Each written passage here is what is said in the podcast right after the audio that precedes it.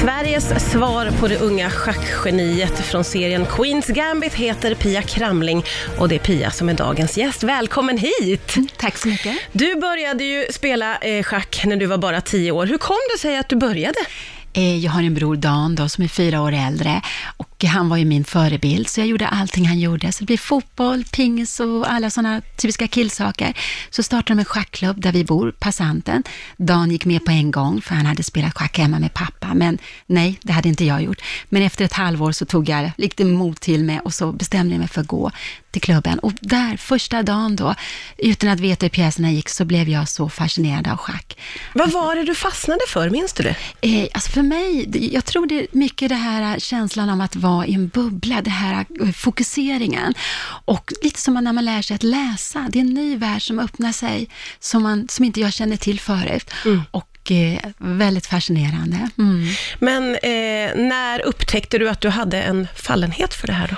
Eh, alltså när jag var 12 började jag vinna lite små tävlingar och sen när jag var 13 så arrangerade de en klubb, då Passanten, skolmästerskapet som var en väldigt stor tävling då i Huddinge. Och då spelade jag min åldersgrupp, 13-åringar och då gick jag då och vann den gruppen. Min bror vann också sin grupp, så det var lite historiskt. Men när jag vann den gruppen, jag var en av underdogs, ingen favorit, inte alls något sånt. Då kände jag, wow, det här ska jag göra hela mitt liv alltså. Ja, det var så, då väcktes en passion i dig, låter det ju som. Ja. Hur såg det ut då med killar och tjejer som spelade schack? Eh, det var i stort sett inga tjejer alls. Så att I den tävlingen vi spelade, vi var faktiskt två tjejer. Den andra tjejen, då, Siw Bengtsson, hon var en av favoriterna till segern. Då. Och resten var killar, så det var 50 killar och vi. Och i de andra grupperna så var det inga tjejer, utom i den speciella tjejgruppen som fanns. Då.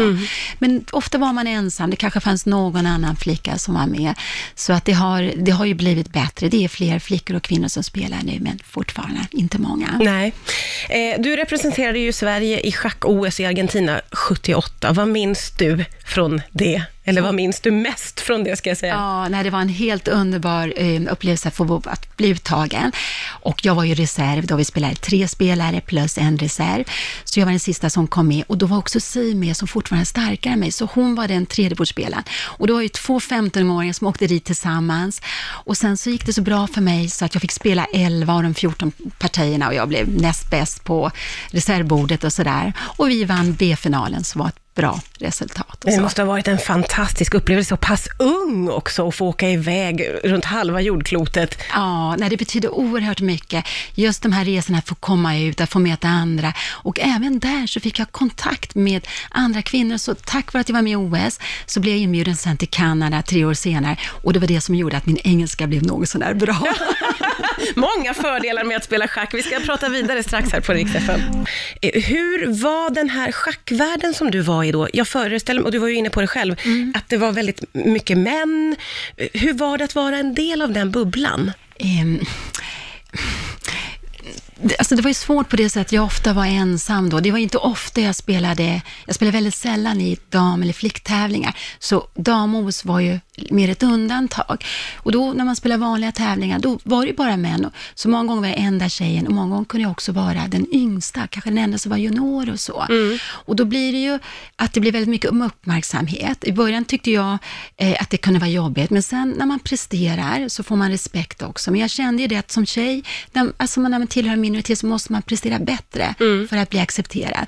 Och man är också då utsatt, det är man ju då, just genom att man är ensam tjej och så. Men vad, hur, vad var attityden från de här motspelarna du mötte? I början var det ju det här liksom förlora mot en tjej och man kunde se liksom kompisar som stod bredvid killen, liksom, om jag slog någon då, att de retade honom och så. Med, med att jag gjorde bra resultat och sådär, så kom ju respekten och så. Så jag känner att jag fick den respekten. Men eh, det berodde mycket då på att jag kunde prestera helt enkelt och sådär. då.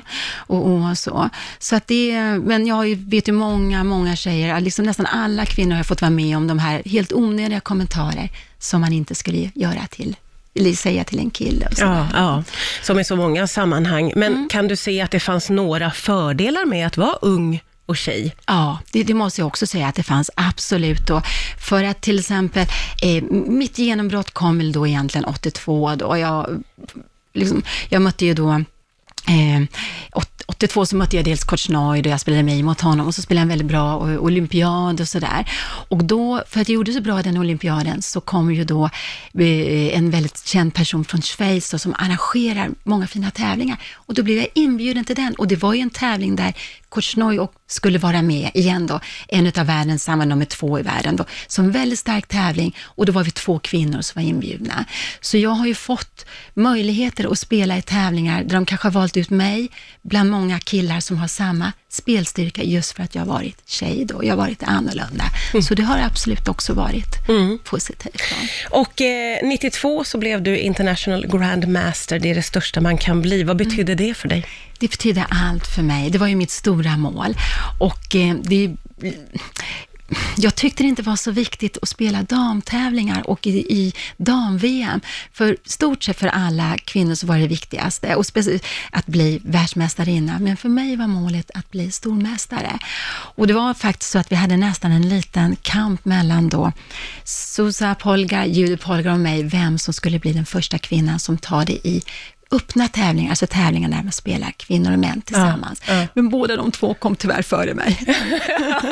så jag blev den femte kvinnan. Ja, det är inte dåligt det heller. Mm. Mm. Vi måste ju prata lite grann om den här eh, serien som har fått sånt enormt genombrott.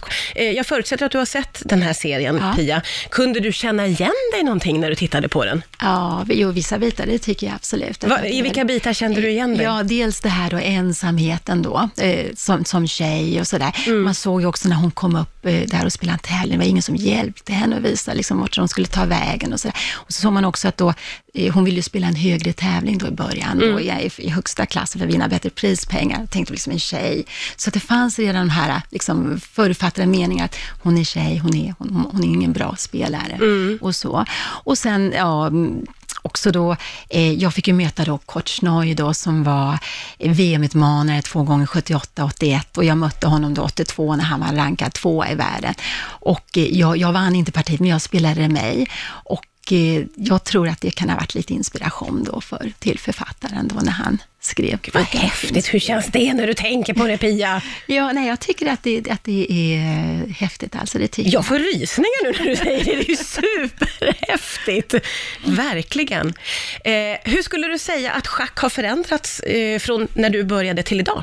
Åh, oh, det har förändrats, förändrats totalt.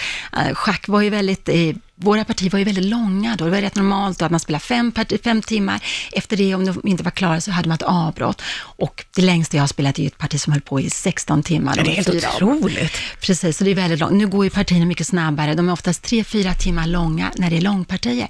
Men man kan ju välja att spela andra grenar. Som blixt, då spelar man med tre minuter plus två sekunder. På nätet kan man också spela något som heter bullet. Då spelar man bara med en minut finish och då ja. är det ju kanske ett av världens snabbaste spel. Så det har utvecklats mycket och vi använder då förstås nätet, man kan spela online och där kan man möta vem som helst från vilket land som helst i hela världen. Så det är väldigt, väldigt fascinerande och det är väldigt lätt att koppla sig upp att spela schack också. Ja.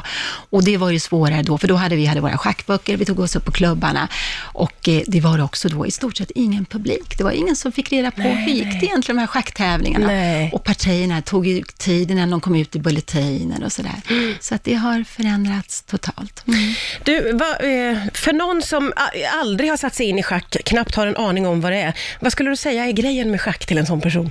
Oh, jag, alltså grejen för mig är just det här, att jag, den här fokuseringen då. Att jag totalt liksom inte vet vad som händer runt omkring mig och sen att man tävlar. Det blir sån oerhörd spänning då. Ska jag kunna liksom överlista min motståndare och framförallt då trivs i den här ställningen, vad ska jag göra nu och sådär. Så, och sen har vi då, vi har ju klockan som tickar. Så det är oerhört spännande, jättekul. Och sen också är det där att det är som ett, eh, det är som ett eh, verktyg för att, att mötas, att träffas. Så att vi, jag kan ju möta vem som helst helst. Och när jag ser ett namn som jag kanske inte riktigt förstår, då vet jag inte från vilket land personen kommer. Jag vet inte om det är tjej eller kille. Mm. Det kan vara, och vilken ålder det är och sådär. Så det är väldigt, väldigt fascinerande. Ja, mm. du är väldigt fascinerande. Tusen tack Pia Kramling för att du kom till Rix FM idag.